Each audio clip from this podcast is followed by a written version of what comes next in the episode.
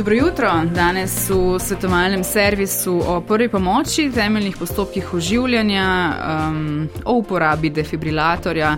Vprašanja seveda lahko dodate tudi vi prek elektronskega naslova prvi.afna.rtv.si, prek spletne strani prvega, kjer najdete obrazec za zapis vprašanja ali pa uh, kar telefonski klic. Nič 1475 22 22 je naša telefonska številka. Naš današnji gost pa Primoš Velikonja iz zdravstvenega doma Kočevje. Uh, dobro jutro. Dobro jutro. Um, v napovednem spotu ne, smo slišali, da je prva pomoč uh, zdravstvena oskrba poškodovanega ali nenadno zbolelega, ne, ki, na uh, dogodka, uh, ki je na kraju dogodka upravljena s preprostimi pripomočki in z improvizacijo. Koliko je te improvizacije pri prvi pomoči? Ja, absolutno precej. To je jasno ta prvi impuls, uh, ko priješ na nek, na nek dogodek. Uh, je res odvisno od tega, ali si bil na kakem tečaju že prej, koliko imaš izkušenj in tako naprej. Reakcije so različne, se pravi, kliče več ali manj vsak, uh -huh. uh, potem pa je zelo, zelo različno. Uh -huh. Se tega zavedamo, torej ljudje v osnovi, da je treba pomagati, torej da je to ključna zadeva, ne? da ja, jaz pač mislim, naredimo. Jaz mislim, da vedno bolj, uh -huh. vedno bolj tudi na, na, na tečaje, uh, se pravi, ljudje vedno bolj hodijo, uh, zanimanje je vedno večje. Uh, tako da mislim, da gremo v pravi smeri. No, bova kar dala uh, vprašanje poslušalke Sabine, uh, ki sprašuje, ali nas je kot lajkov, ki nudimo prvo pomoč, uh, treba biti česa strah, ne? moramo uh, na kaj posebej paziti. Uh, morda se kdo prav zaradi, zaradi tega iz strahu, ne, ki ga omenjava, pa premalo znanja, ne odloči pomagati oziroma pomaga manj, kot bi sicer. Ja, jasno, da se ustrašimo. Strah nas je predvsem neznanega. Uh, ampak uh, pomembno je to, da poskrbimo za lastno varnost. Uh -huh. Uh, in potem uh, vsi postopki, ki jih bomo naredili, so uprit uh, pacijenta. Se pravi, karkoli bomo naredili, jasno bo odločilo o tem, ali bo, uh, ali bo ta človek preživel ali ne bo. In uh, zato je pomembno, da obnavljamo znanje, uh, da se učimo, da ponavljamo in uh, na ta način bomo lahko potem tudi uspešni. Uh -huh. No, to znanje in smernice, ki sem jih omenila tudi že prej v vodu, se spreminjajo. Um, kako je zdaj s tem? Kakšna je pravilna, bom temu rekla, prva pomoč. Ja, zdaj, se pravi, če gledamo zdaj najprej odraslega, uh mhm. -huh. ker vemo, da otroci jasno so bitja, ki imajo svoje specifike, tako anatomske kot fiziološke in jih bo omenila kasneje, je pomembno jasno, da se najprej prepričamo, če je območje varno, pristopimo do žrtve, ocenimo odzivnost, tako verbalno kot taktilno stimulacijo, se pravi, pokličemo po imenu, potresemo. Uh, in če ni odziva, je to prvi alarm, uh, zakličemo na pomoč, to, to pomeni ta pomoč tistih bližnjih okolice, uh, in potem gremo na sproščanje uh, dihalne poti. Pri odraslih uh, damo dva prsta pod brado in roko na čelo, zvrnemo glavo navzad, vedno pogledamo, če je kak tujek v ustih, pri starejši populaciji je to lahko proteza. Uh, če proteza zapade na vzadje, potegnemo ven, se pravi, če tujek vidimo in vemo, da ga bomo lahko ven dobili, uh -huh. vlečemo ven, nikoli pa s prsti na slepo usta. No in ta, to glavo zadržimo v tem položaju, položimo uho ob uh, uh, pacijentov nos in usta in gledamo proti prstnemu košu in ocenjujemo dihanje 10 sekund. Mhm. Če v desetih sekundah ni nič, oziroma je prisotno agonalno dihanje, se pravi, to je samo uh, odpiranje ust brez premikanja prstnega koša, uh, ali pa če smo v dilemi, takrat začnemo z uh, oživljanjem. Tu pomeni pri odraslih, uh, začnemo s tisi uh, prsnega koša. Hkrati pa jasno, če smo sami, ko smo spoznali srčni zastoj, pokličemo 112, damo na zvočnik, tako da smo v bistvu uh, z dispečerjem lahko vse čas uh, na vezi. Uh -huh. Eh, kje je točka za stise prsnega koša, to je sredina prsnega koša, to je nekje spodnja polovica prsnice, pazmo, da ne gremo na žličko, da ne bomo stiskali na želodec, eh, pet od dlani dominantne roke položimo na prsnico, roki prekrižamo oziroma prepletemo, komovci so zaklenjeni in praktično pravokotno pritiskamo v, eh, v smeri proti hrbtenici. Ta pritisk je močan, se pravi 5 do 6 cm, to je močan pritisk in ritmičen. Uh, se pravi, mora biti tudi dovolj hiter, nekje uh, uh, med 100 in 120 uh, v minuti. Hkrati pa, ko smo uh, poklicali nujno medicinsko pomoč in ko nam je prišel nekdo na pomoč, ga pošljemo po najbližji možen uh, defibrilator. Se pravi, defibrilator je pa naprava, uh, ki uh, zdravi motnjo srčnega ritma, ki je zelo pogosto prisotna pri uh, odrasli populaciji, to je pa ventrikularna fibrilacija. Uh, Uh, in ta defibrilator, ko pride, jasno se namešča med stisi. Nekdo izvaja stise, nekdo namešča defibrilator. Uh, pomembno je, da je prsni koš suh, če ne, ga moramo prej osušiti, da se bodo te elektrode dobro prijele. Ena elektroda pride pod desno ključnico, druga pa diagonalno v srednjo podpazdušno linijo. In ko ste elektrodi enkrat nameščeni, aparat v bistvu samodejno preklopi v analizo pacijentovega ritma. Uh -huh. In tu traja nekaj sekund, in potem imate samo dve varianti. Če je fibrilacija prisotna, se bo aparat samodejno napolnil in mi moramo samo varno opozoriti se, da se odmaknejo stran in stisniti gumb za defibrilacijo. Če, če pa defibrilacija uh, ni priporočena in pacijent jasno ne diha, ne kaže znaka življenja, gremo v cikl dveh minut temeljnih postopkov oživljanja, ker je očitno v zadju nek drugi ritem, ki ne potrebuje defibrilacije, ampak srce vseeno ne deluje. Uh -huh. No, in številka, ki nas vedno zanima, ne, koliko je 30 stiskov, 30 stiskov 2 upiha. Uh -huh. Se pravi, to je priporočljivo. Zdaj, pri samih upihih, če nismo uh, izučeni, če imamo kakršne koli zadržke, lahko umetno dihanje op opustimo in izvajamo samo stise. Potem so pa stisi prsnega koša uh -huh. uh, non-stop. Je bilo nekoč 15-1, ne? Ja, vse je bilo 15-2, vse možne variante ja, ja. so bile. Ali lahko pač naredimo kaj narobe s tem, če gremo po, kot sem rekla, že prej starih smernicah, recimo? Uh, Jasno, fajn je, da, gre, da se držimo novih smernic, ker so uh mhm. -huh. dokazali, da je uh, količina stisov je jasno dosti boljša, ker dosežemo tam nekje po 15 stisov nek normalen tlak, ki, uh -huh. uh, ki zadošča, da gre ta krivo uh, do možganov. Uh, če bomo šli po kakršnih koli smernicah, pomembno je, da dobro pritiskamo uh, in če znamo dajati upihe, da dajemo upihe. Ampak, če smo že tukaj in uh, če smo leta 2023, je prav, da gremo 32. Ok, eh, bo pa še o tem malo pozneje. Eh, zdaj le sprememo telefonski klic na nič 1 475 22 22. Nas je poklical Ferdo iz Ljubljane. Dobro jutro. Dobro jutro, Dobro jutro. Ferdo iz Ljubljane pri ja, telefonu. Izvolite. Jaz bi pa nekaj povprašal. Zdaj mnogo, mnogo, oziroma vsi izmed nas, tako uh, rekoč lahko rečem, smo včasih opravili ta izpit za prvo pomoč. Ampak, če bi se Bog tedaj znašel na cesti v prometni nesreči, bi nas po moje veliko osrpnilo. Uh mhm. -huh. Zdaj pa moje vprašanje je, kje se da prijaviti, da bi človek šel delati tak uh, tečaj prve pomoči, ja. vključno z defibrilatorjem. Namreč zdaj ste zelo dobro upisali nekaj postopkov, ampak teorija je žal teorija, uh mhm. -huh. ko je pa treba v praksi zadevo narediti je pa problem. Uh mhm. -huh. Najlepša hvala, hvala vam. Pa bom poslušal po radiju. Tako. Še enkrat pozdrav, vaš Ferdo iz Ljubljane. Tako. Hvala lepa, e, vzeli ste mi vprašanje z jezika, pravzaprav res. Uh, torej, najprej o teh tečajih, kje, kje jih lahko upravljamo, e, torej tudi skupaj z defibrilatorjem, tudi to je pomembno. Ne? Ja, območna združenja Rdečega križa uh, jasno te tečaje upravljajo sigurno na mesečni bazi. Uh, potem je tukaj en projekt skupaj za varne jutri, ki poteka v, v kar nekaj občinah po Sloveniji, kjer se, uči, kjer se uh, učijo brezplačno temeljni postopki oživljanja in uporaba defibrilatorja. Tako da tega je kar nekaj. Jaz bi, jaz bi mu svetoval, da se uh, obrne na območno združenje uh, Rdečega križa Ljubljana in uh, se pozanima, kje, -huh. kje so te tečaji, pa se uh, prijavi in potem tudi ta tečaj lahko pravi. Uh -huh. Zdaj sem se spomnila ene, enega predloga, ene poslušalke, ki je v pretekli oddaji. Uh, klicala, uh, takrat je rekla, zakaj recimo v poštne nabiralnike ne dobimo kakšnih letakov. Ne? In pravzaprav, ko človek pomisli, kaj vse dobimo ne? v nabiralnik, uh, morda pobuda tukaj tudi je na mestu, ne? da bi imeli nekakšne zloženke, morda je pa komu to bliže kot pa um, ja, vem, se mi zdi, splet. Ne? Ja, absolutno, to se mi zdi popolnoma neso, uh, predvsem za starejšo populacijo, uh mhm. -huh. jasno, ker ni, ni tako spretna na spletu in telefonih. Uh, in je vse še bolj na papirjih, tudi sam imam rad uh, papir v roki, ker de, dejansko drhač dojameš zadevo. Tako da sprejemam uh mhm. -huh. in uh, bomo dali pobudo. Tako, in morda bo še kdo slišal in um, se bo nekaj naredilo na tem področju. Absolutno. Eh, sicer pa Jože iz Novega mesta sprašuje, ali eh, je morda pripravljena ali pa obstaja kakšna navigacija po vzoru avtopilota, da bi vedeli, kje eh, se nahaja bolnik in najbližji defibrilator, torej nekakšno, nekakšen zemljevid, če ga prav razumem.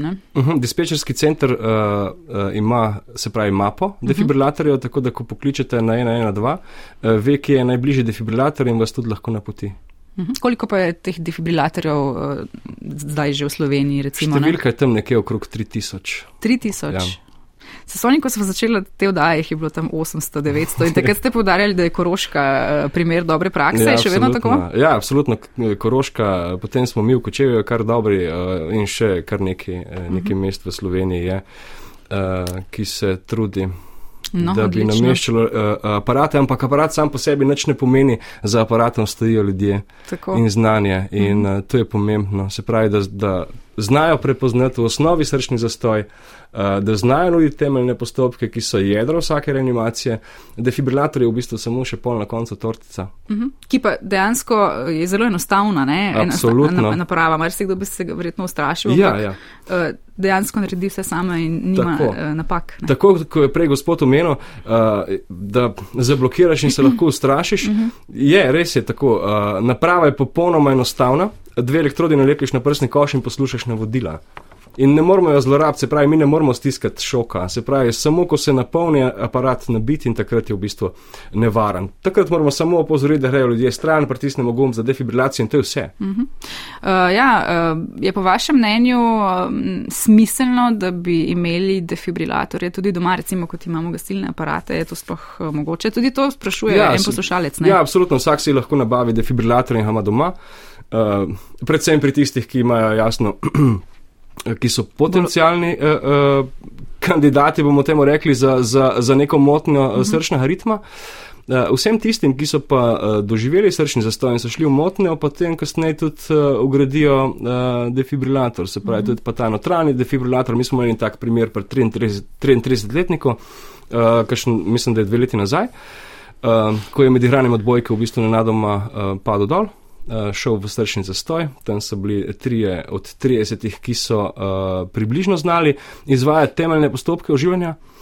Uh, in tam se je tudi uporabil defibrilator, se pravi, po drugi defibrilaciji se je ta fant zbudil in potem kasneje so mu ugradili defibrilator. Uh -huh. no, tako da uh, to je tudi ena izmed opcij. Uh -huh. Trije od 30 so znali. Ja, in to je, bilo, to je bil tak splet, uh, uh, da mu rečemo, srečnih okoliščinah. Ti trije so bili uh, kakšen mesec, dva predtem v šoli za starše, kjer sem jih učil reanimacijo dojenčka, novorojenčka. No, In so rekli, da brez, brez te uh, izkušnje, brez te informacije bi praktično zamrznili. Mm.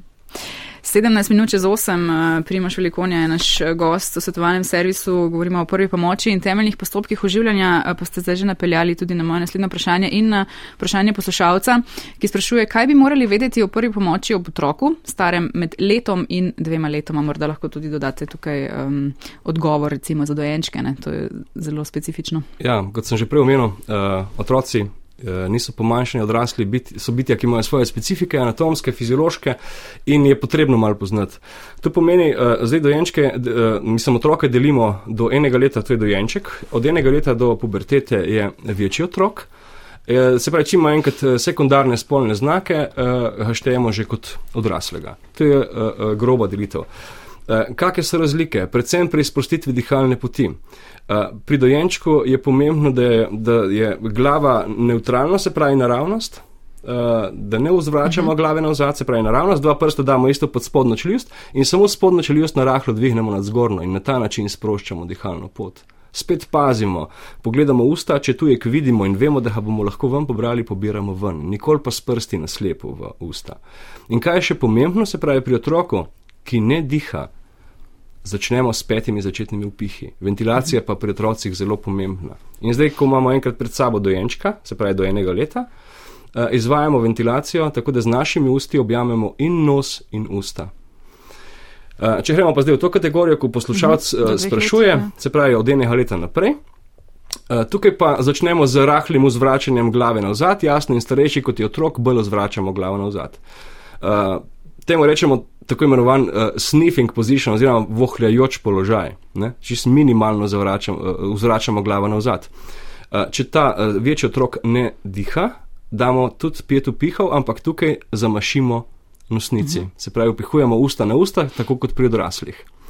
Kar se tiče pa stisov prsnega koša, je pa točka uh, pri obeh, se pravi, pri dojenčku in pri večjem otroku na istem mestu, spodnja polovica prsnice in prst na žličko. Dojenčka pritiskamo z dvema palcema uh, na tem mestu, se pravi, dva palca objamemo praktično prsni koš in s palcema pritiskamo, in pri uh, uh, večjem otroku od enega leta naprej pritiskamo s peto dlani ene roke. Prvo odraslem, potem uh, dodamo še eno roko zdravo.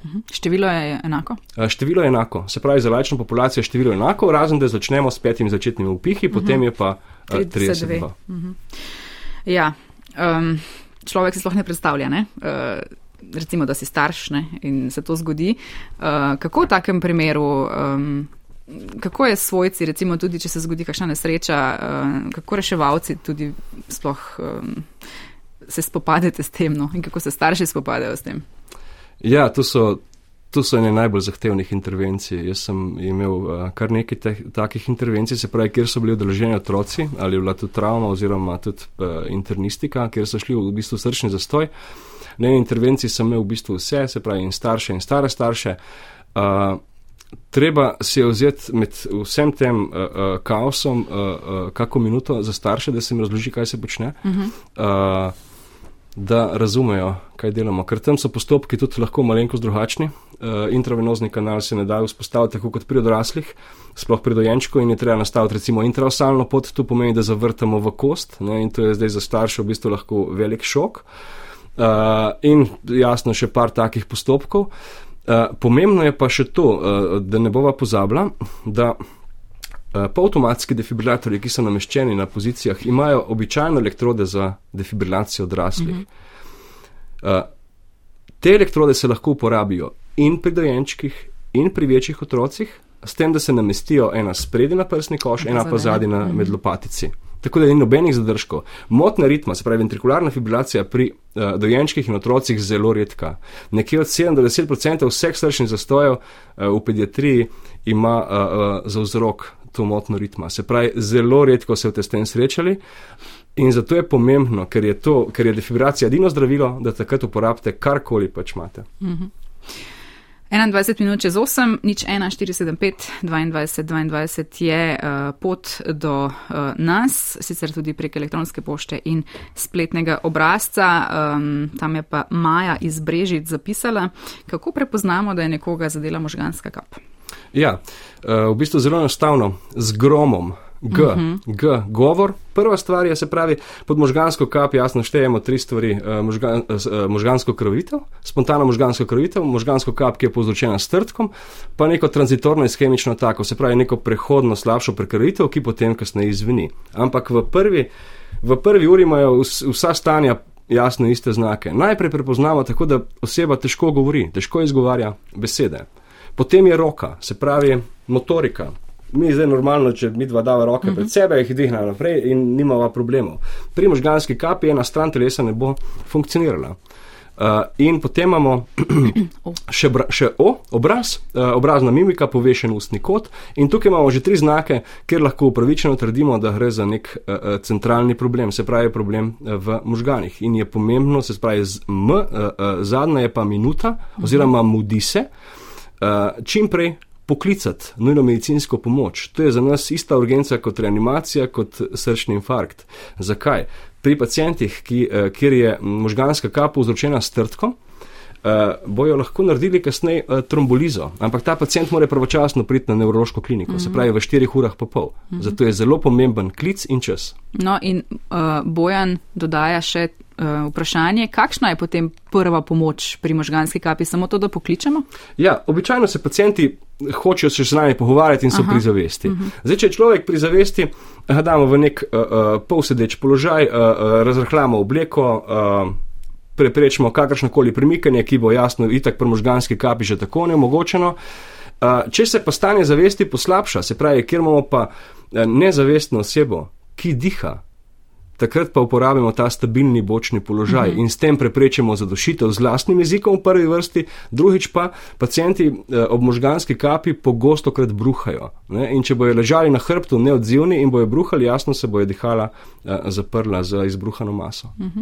Kako je pa z osebo, ki ima epilepsijo, recimo, in smo priča temu? Ja, med samim epileptičnim napadom, jasno, pacijenti tudi izgubijo uh, zavest, lahko tudi imajo neke apnoične atake, to pomeni, da nekaj časa vmes tudi mhm. ne dihajo. Uh, pomembno je, da jih zaščitimo, da se ne bojo poškodovali, poskušamo dati v nek stabilni bočni položaj in uh, uh, poklicati čim prej nujno medicinsko pomoč. Um, Malo drugačno vprašanje, bomo temu rekli um, manj težko, no, tako, če se sploh sme tako reči. Uh, Poslušalko je spirana zanima, kako naj oskrbi rano osemletnika, ki pade in se udari koleno, torej uh, to rano umiti, poviti. Ja, seveda, če, če odrgnina, samo speramo ja. z vodo. Um, morda res vprašanje. Um, kaj bi morali imeti doma, torej kaj vsebuje ta oprema, ne, obvezna oprema prve pomoči. Ja, se pravi, vsebuje, to, res, to, to, to so res osnove. Ja.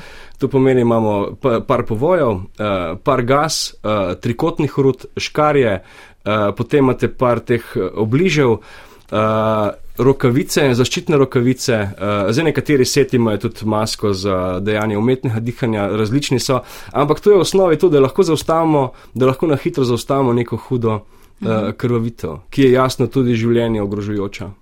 Kaj pa v primeru, um, pogosto slišimo, ne, da se največ takšnih nesreč zgodi prav doma, v domačem okolju. Um, um, zadušitve oziroma uh, tujka ne, uh -huh. uh, v Ja. Tukaj imamo dve fazi, se pravi, tukaj deva zdaj kar govoriti o popolni zapori dihalne mhm, -huh, poti. Tako. Eh, prva faza je ta, da je človek še pri zavesti, se pravi, noben ne bo padel dol in umrl, ampak vsak se bori nekaj časa in poskuša jasno sam ta uh mhm. -huh. tujek od stran. Ampak če se tujek dobro sprime oziroma eh, zabije v dihalno pot, takrat ne bo šel sam ven. In tukaj imamo čas. Uh, se pravi, če imamo mi zdaj večjega otroka uh, oziroma odraslega in dojenčka, pri vseh treh kategorijah začnemo najprej z udarci med lopatici pet udarcev med lopatici, če nismo uspešni, uh, začnemo s Heimlichovim manevrom. To je pa tako, da naredimo pest, pacijenta iz zadnje strani objamemo, damo to pest med popek in žličko, roki preprimemo in potisnemo nekje v obliki črke J navzad proti sebi mm -hmm. in mhm. hkrati pritisnemo še prsni koš. To naredimo do petkrat. Uh, edina Posebnost je pri uh, dojenčku, kjer Heimlichovega manevra ne smemo delati, dojenčka pa v bistvu primemo na roko, tako da nas gleda z obrazom, vse skupaj položimo na stegno, nekje pod kotom 45 stopinj, z glavico navzdol, damo dva prsta, se pravi kazalec in sredinec, na isto mesto, kjer izvajamo stise pri reanimaciji, to pomeni spodnja polovica prsnice in prst na žličko, in naredimo pet sunkovitih pritiskov. To je modificiran mm -hmm. Heimlichov manever za dojenčke.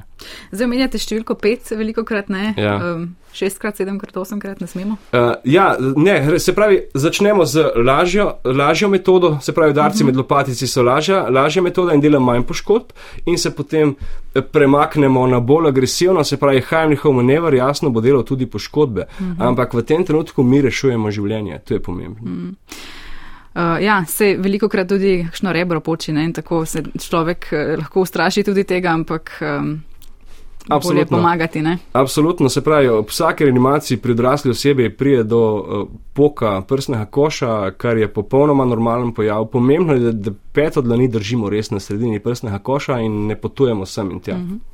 Uh, še Lojza izmed vod ima tudi zanimivo vprašanje. Um, se tudi marsikaj da sprašujemo sami to, zakaj prva pomoč v avtomobilih, ne? tudi če je zaprta, ne odpremo, uh, propade oziroma ima rok trajanja. Ja, vsaka stvar ima rok trajanja v medicini, tako da eh, to prepuščam. Kljub eh, škarjam uh, in povojem, da. Kljub škarjam in povojem, tako da to prepuščam drugim. Uh, pomembno je, jasno, uh, takrat, ko gre za neko masivno krvavitev, ne, če si predstavljate krvavitev iz uh, uh, steganske femoralne arterije, uh, v eni minuti 15 zgubimo en liter krvi. Uh mhm. -huh. Takrat ni časa, da boš poiskal prvo pomoč. Se pravi, nekaj, kar imaš najbolj čistega pri sebi, boš dal uh, med rano in, in pest, da boš to krvito čim prej zaustavil. O tem govorimo. Uh mhm. -huh. Se pravi, to je to. Karkoli boste takrat imeli pri sebi, je boljše kot nič. nič Jasno, fajn je imeti uh, uh, uh, opremo, ki je. Uh, updatena, se pravi, da imamo vse po PS-u, včasih pa tudi to ne gre. Ampak uh, jasno, nesreča ne pozna ne ure, ne dneva. Mm. Minutka nam je še ostala, morda uh, tokrat zaključiva uh, s tem, kar pač tudi vedno omenjiva in je tudi pomembno povedati. Um, obisk urgenc tistih, ki morda urgence ne potrebujejo. Ne? Tudi to je težava, ker dejansko uh, s tem potencialno onemogočajo pomoč tistim, ki, ki pa res potrebujejo prvo pomoč. Ja, absolutno. S tem se v bistvu v zadnje pol leta srečujemo pogosto, sploh v zadnjih dveh mesecih, uh, in na to ne moramo kaj dosto vplivati. Uh, ker je situacija pač taka, kot je, uh, družinskih zdravnikov uh, primankuje, to je dejstvo. In jasno, pacijent, ki se nameni obiska zdravnika, ga bo najdel tako ali drugače.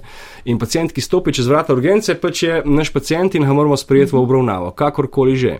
Je pa pomembno, da se da, uh, ljudje ozavestijo, da pisanje receptov, bolnišk in tako naprej, se pravi, ne sodi na urgenco. Na urgenco sodijo urgentna stanja, ljudje, ki so resno bolani, da, te, se pravi, da, da, da se lahko tem posvetimo v pravi možni meri. To je to. Zdaj pa vsak pri sebi ne razčisti, eh, kaj je dejansko urgentno, kaj ni, vedno pa lahko pokličejo in se posvetujemo po mhm. telefonu. Ja, jutri bo začela delovati številka 111. Boste tudi to pokomentirali?